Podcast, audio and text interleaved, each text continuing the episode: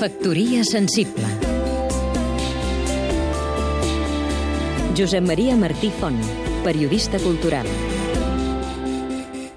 Venècia és vella i està plena de coses extraordinàries que mereixen ser vistes. Sempre ha estat una ciutat turística, però ara, com es passa a moltes ciutats de la vella Europa, entre les que també es troba Barcelona, ha estat presa pel turisme de masses.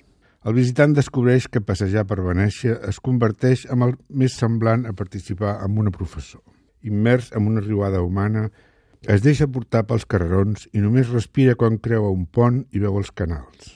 Sempre encaixonat, la manca de perspectiva accentua la sensació de trobar-se dins d'un laberint.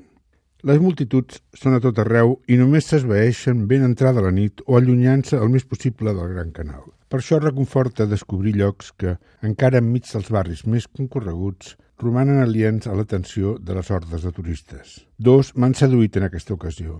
La petita escuola del Mata de Glissanti Giorgio i Trifon, ja a prop de l'Arsenale, amb els seus extraordinaris carpaccio, i la fantàstica Fundació Querini Stampalia, al costat de Santa Maria la Formosa.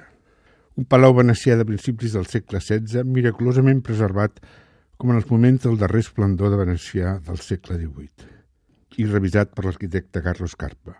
Entre les seves moltes meravelles acull la presentació del Cris al Temple, una joia del mestre renaixentista Giovanni Bellini.